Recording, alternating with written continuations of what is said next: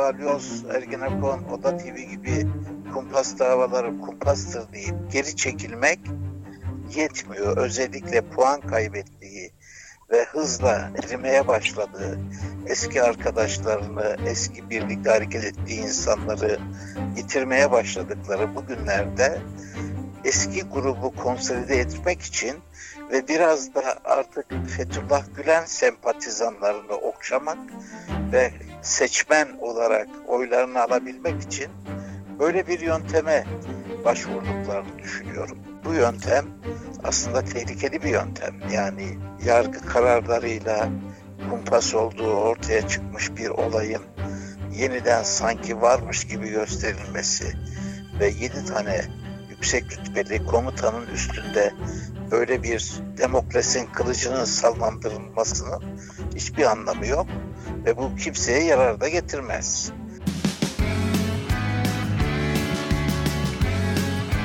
Oku, dinle, izle. Kısa Dalga. Yargıtay'ın Balyoz davasındaki beraat kararını aralarında Çetin Doğan'ın da bulunduğu üst rütbeli 7 asker yönünden bozması ne anlama geliyor? FETÖ hukuku geçerliliğini koruyor mu? Yargıtay'ın bu kararı AKP'nin özellikle 2014 HSYK seçimlerinde FETÖ'yü bertaraf etmek için yanına aldığı ulusalcı, sosyal demokrat ve muhafazakar karması partnerini saf dışı etme amacını mı ortaya koyuyor? Yoksa balyoz davasının sanıklarının avukatı Celal Ülgen'in tespitiyle Yargıtay'ın kararı AKP'nin kendi tabanını konsolide etme çabası mı?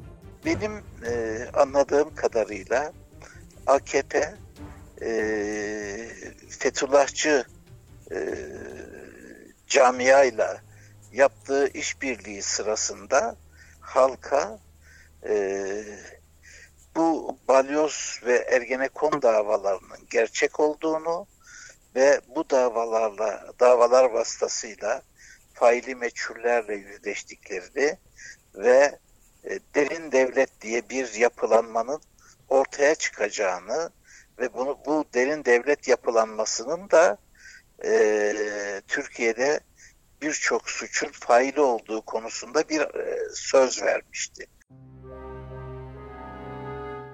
Brüksel'de gün yeni ağrıyordu. Türk heyetinin kaldığı otelde telaş erken başladı. Öğleden sonra iki lider bir araya gelecekti.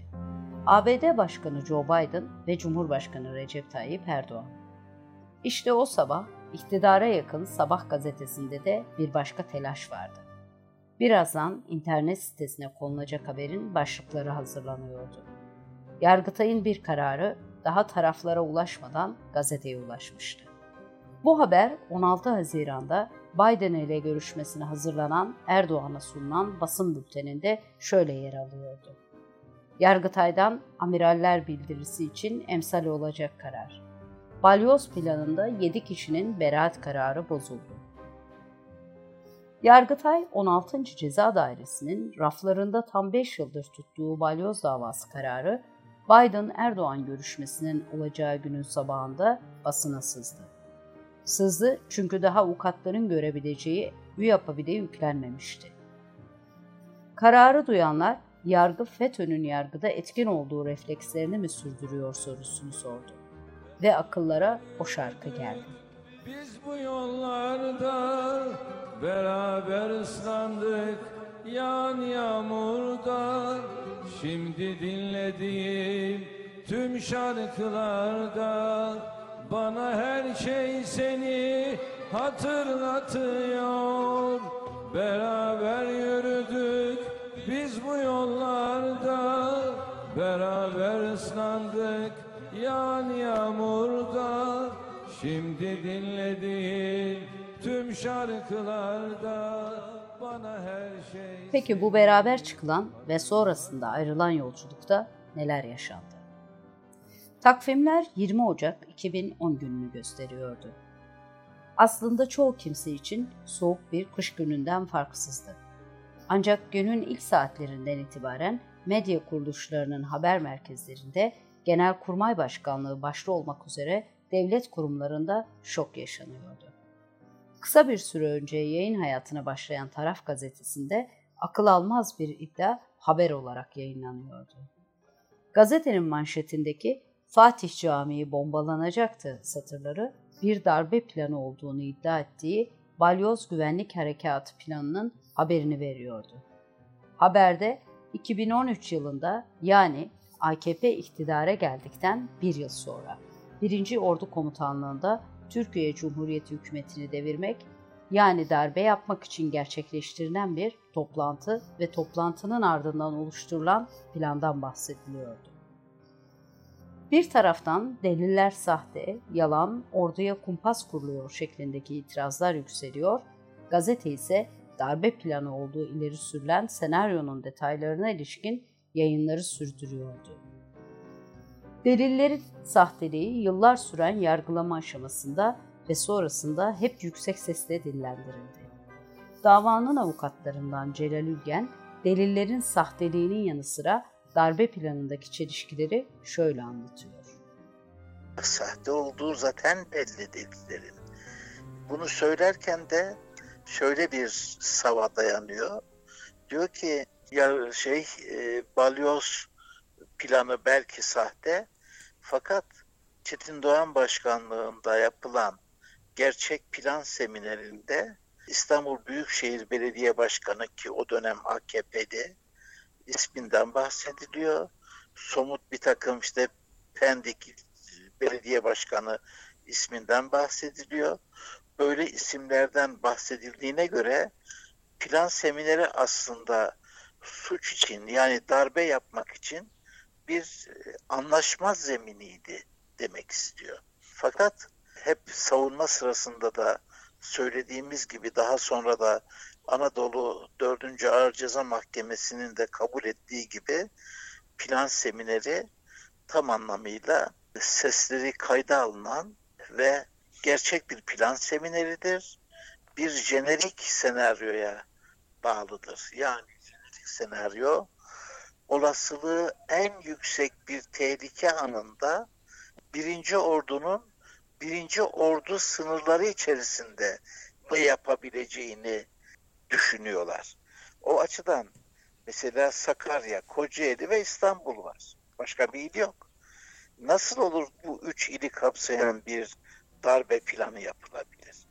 Darbe Ankara'da olur. Ya Ankara şey dışı nedir? Plan dışı, seminer dışı.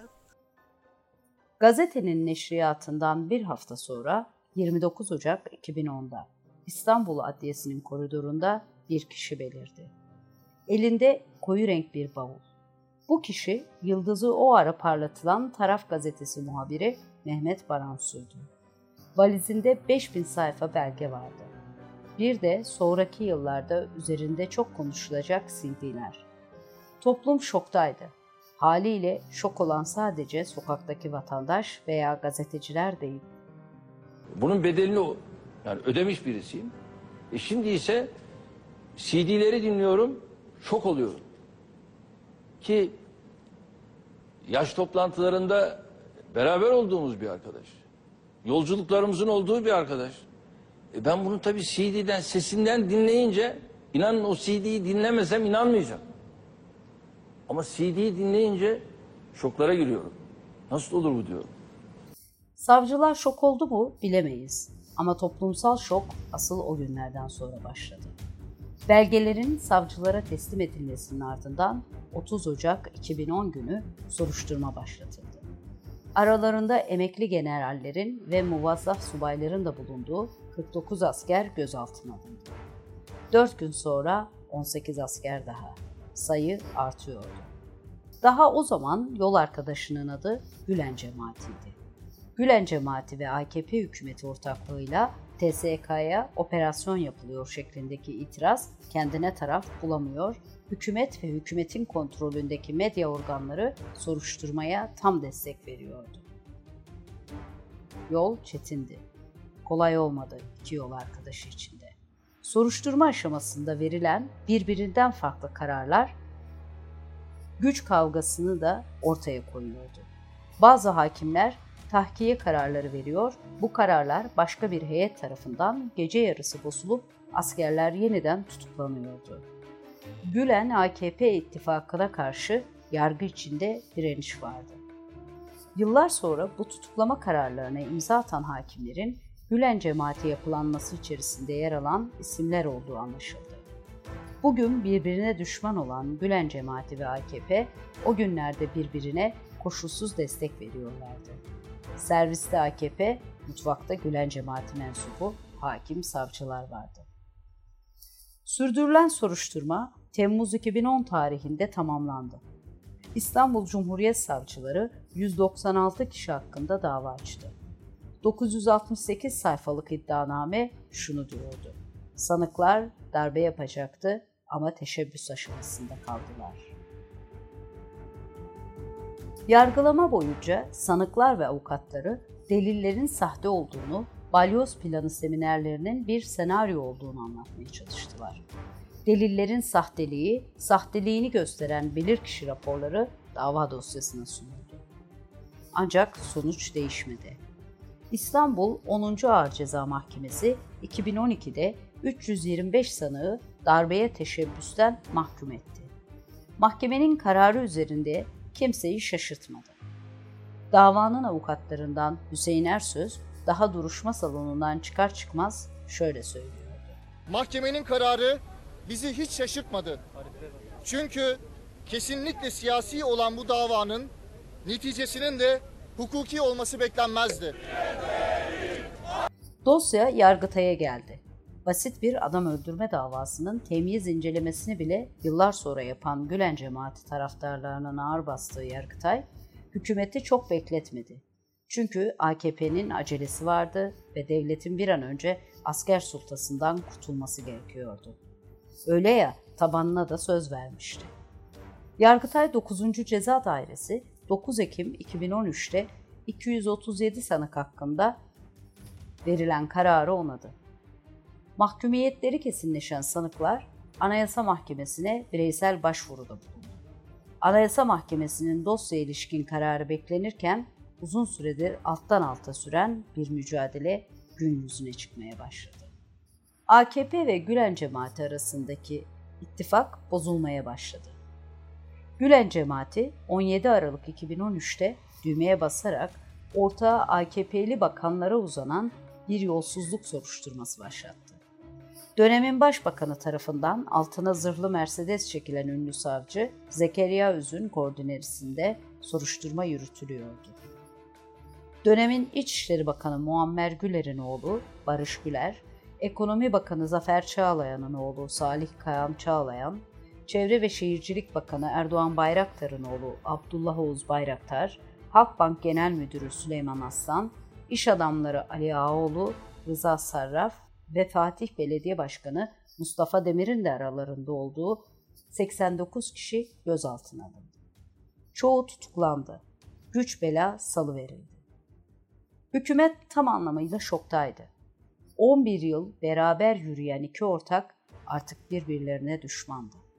Eski ortak işi Başbakan Erdoğan'ın oğlu Bilal Erdoğan'ı ifadeye çağırmaya kadar götürdü. Hükümet yıllarca beraber yürüdüğü ortağından böyle bir şey beklemiyordu belki ama dışarıdan bakan bir göz neler olup bittiğine hiç de şaşırmıyordu. Anayasa referandumunun Fethullah Gülen yapılanmasının yargıda nasıl etkin hale getirildiğini herkes biliyordu.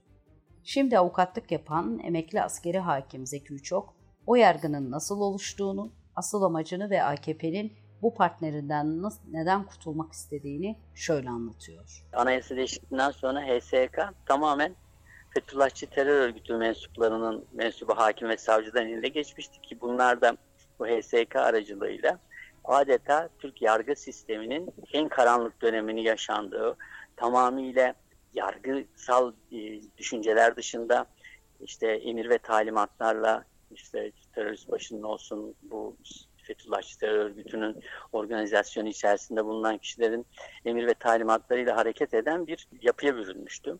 Bu yapı neticesinde işte bir sürü onlarca kumpas davası kuruldu ve bunlarla hem Türk Silahlı Kuvvetleri'nin hem de e, Türkiye'deki birçok işte aydının bu mahkemeler tarafından bu kumpaslar listesinde tasfiye edilmesini ve ardından da özellikle de silahlı kuvvetlerde Fethullahçı terör örgütü mensubu işte albay, general, amirallerin önüne açılarak bugünkü 15 Temmuz sürecine giden yolların döşendiği bir zaman olmuştu.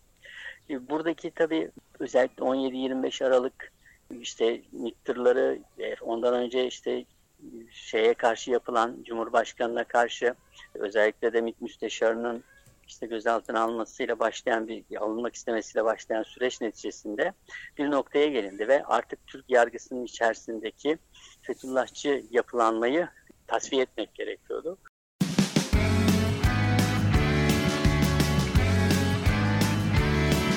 Kulağınız bizde olsun. Kısa Dalga Podcast. Anayasa değişikliğinden sonra HSYK tamamen Fethullahçı terör örgütü mensuplarının mensubu hakim ve savcıların eline geçmişti ki bunlar da HSYK aracılığıyla adeta Türk yargı sisteminin en karanlık döneminin yaşandığı, tamamıyla yargısal düşünceler dışında emir ve talimatlarla terörist başının olsun Fethullahçı terör örgütünün organizasyonunun içinde bulunan kişilerin emir ve talimatlarıyla hareket eden bir yapıya bürünmüştü. Bu yapı neticesinde onlarca kumpas davası kuruldu ve bunlarla hem Türk Silahlı Kuvvetleri'nin hem de Türkiye'de birçok aydının bu mahkemeler tarafından kumpaslar sayesinde tasfiye edilmesinin ardından da özellikle silahlı kuvvetlerde Fethullahçı terör örgütü mensubu albay, general, amirallerin önünü açarak bugünkü 15 Temmuz sürecine giden yolların döşendiği bir zaman olmuştu. Buradaki özellikle 17-25 Aralık MİT tırları ondan önce Cumhurbaşkanı'na karşı özellikle MİT müsteşarının gözaltına alınmak istenen süreç neticesinde bir noktaya gelindi. Ve artık Türk yargısının içerisindeki Fethullahçı yapılanmayı tasfiye etmek gerekiyordu.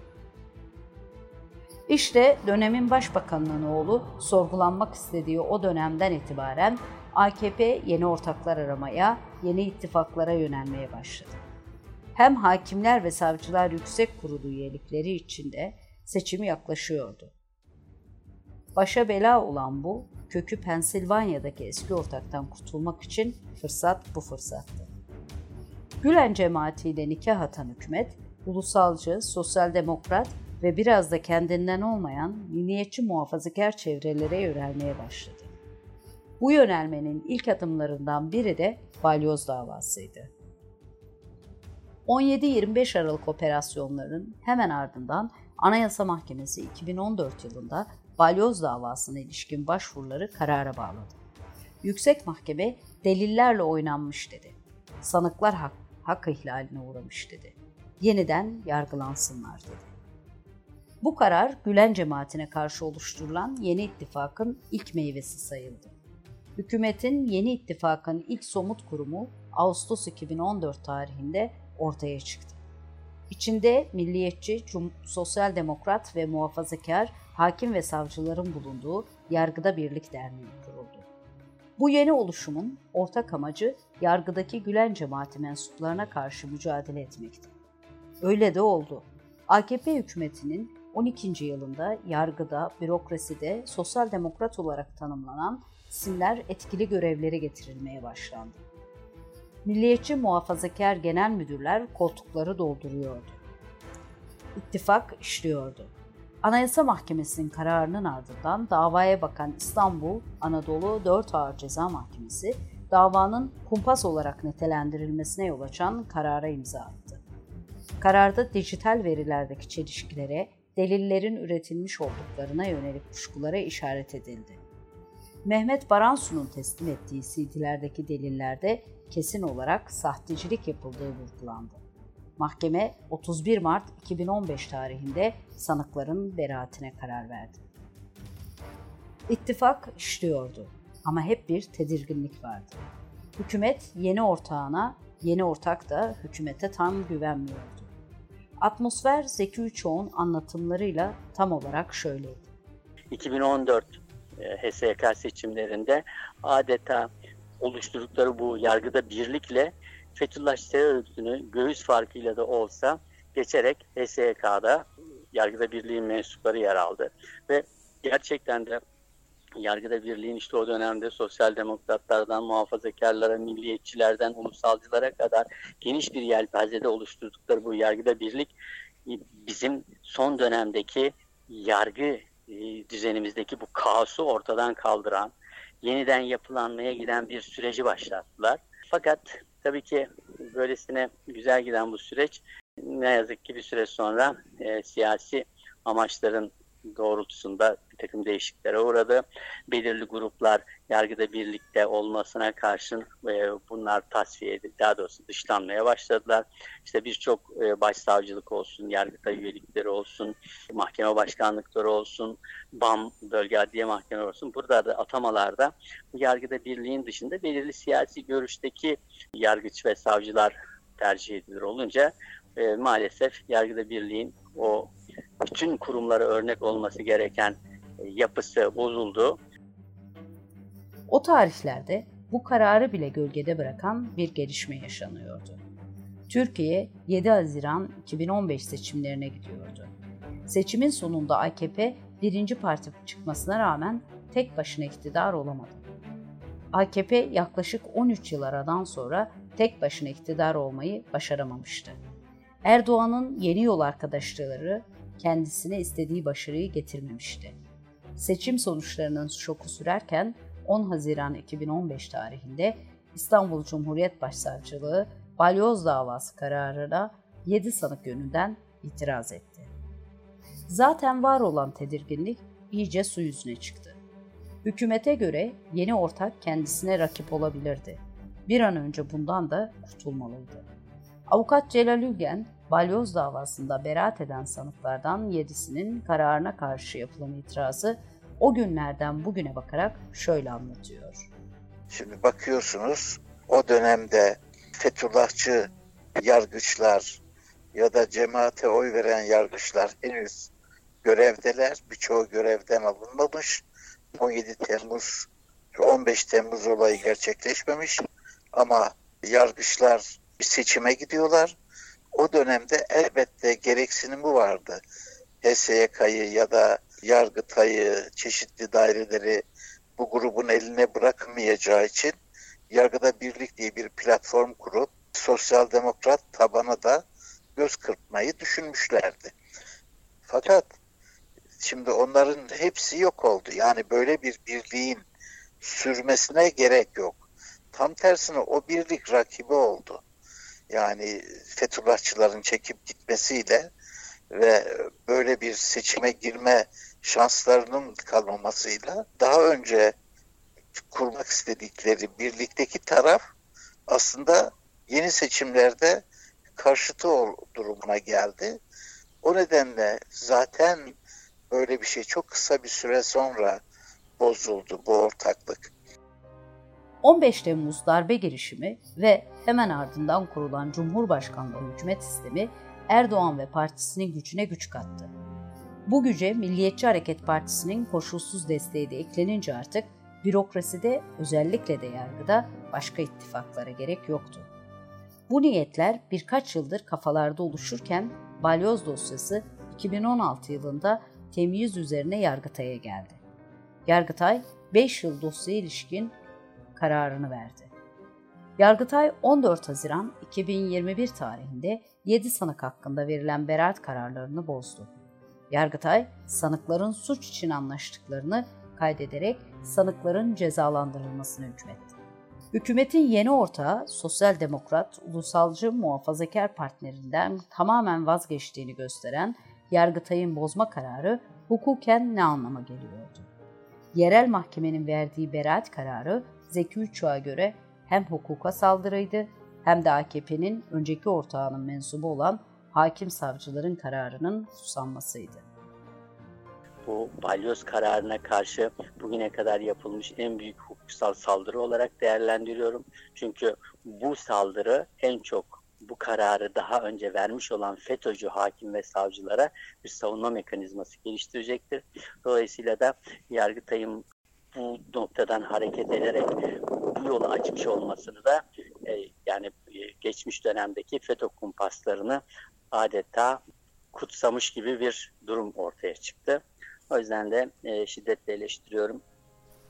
Avukat Celal Ülgen'e göre de Yargıtay'ın balyoz davasındaki beraat kararlarını 7 sanık yönünden bozması aynı zamanda tabanını konsolide etmesinin bir aracıydı.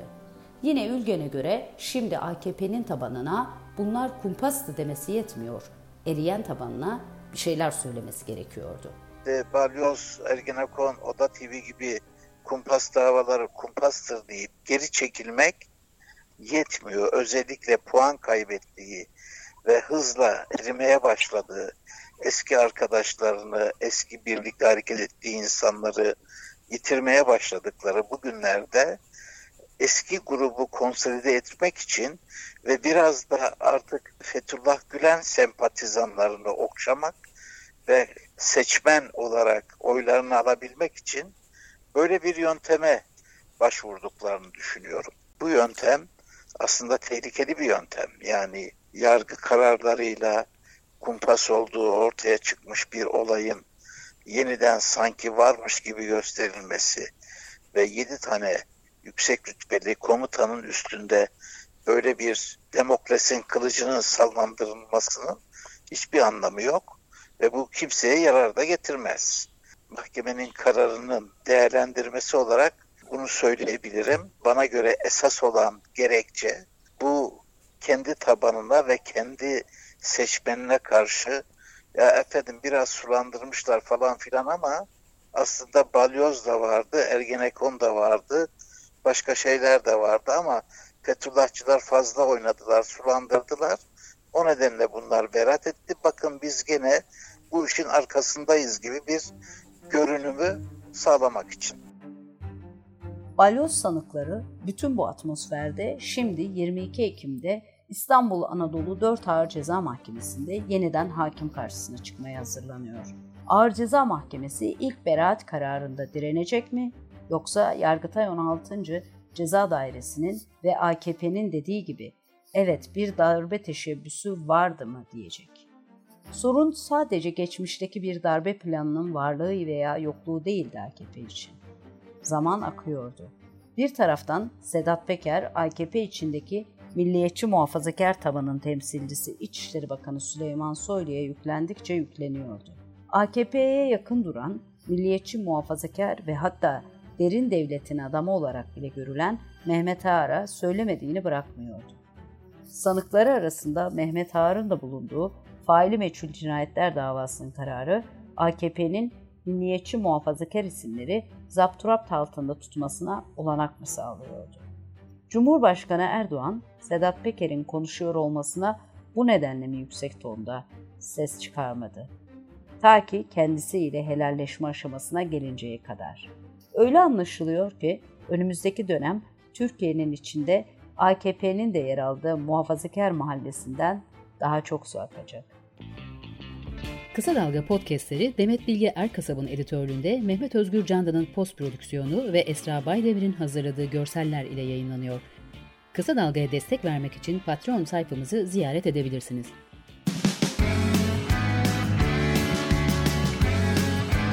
Oku, dinle, izle. Kısa Dalga.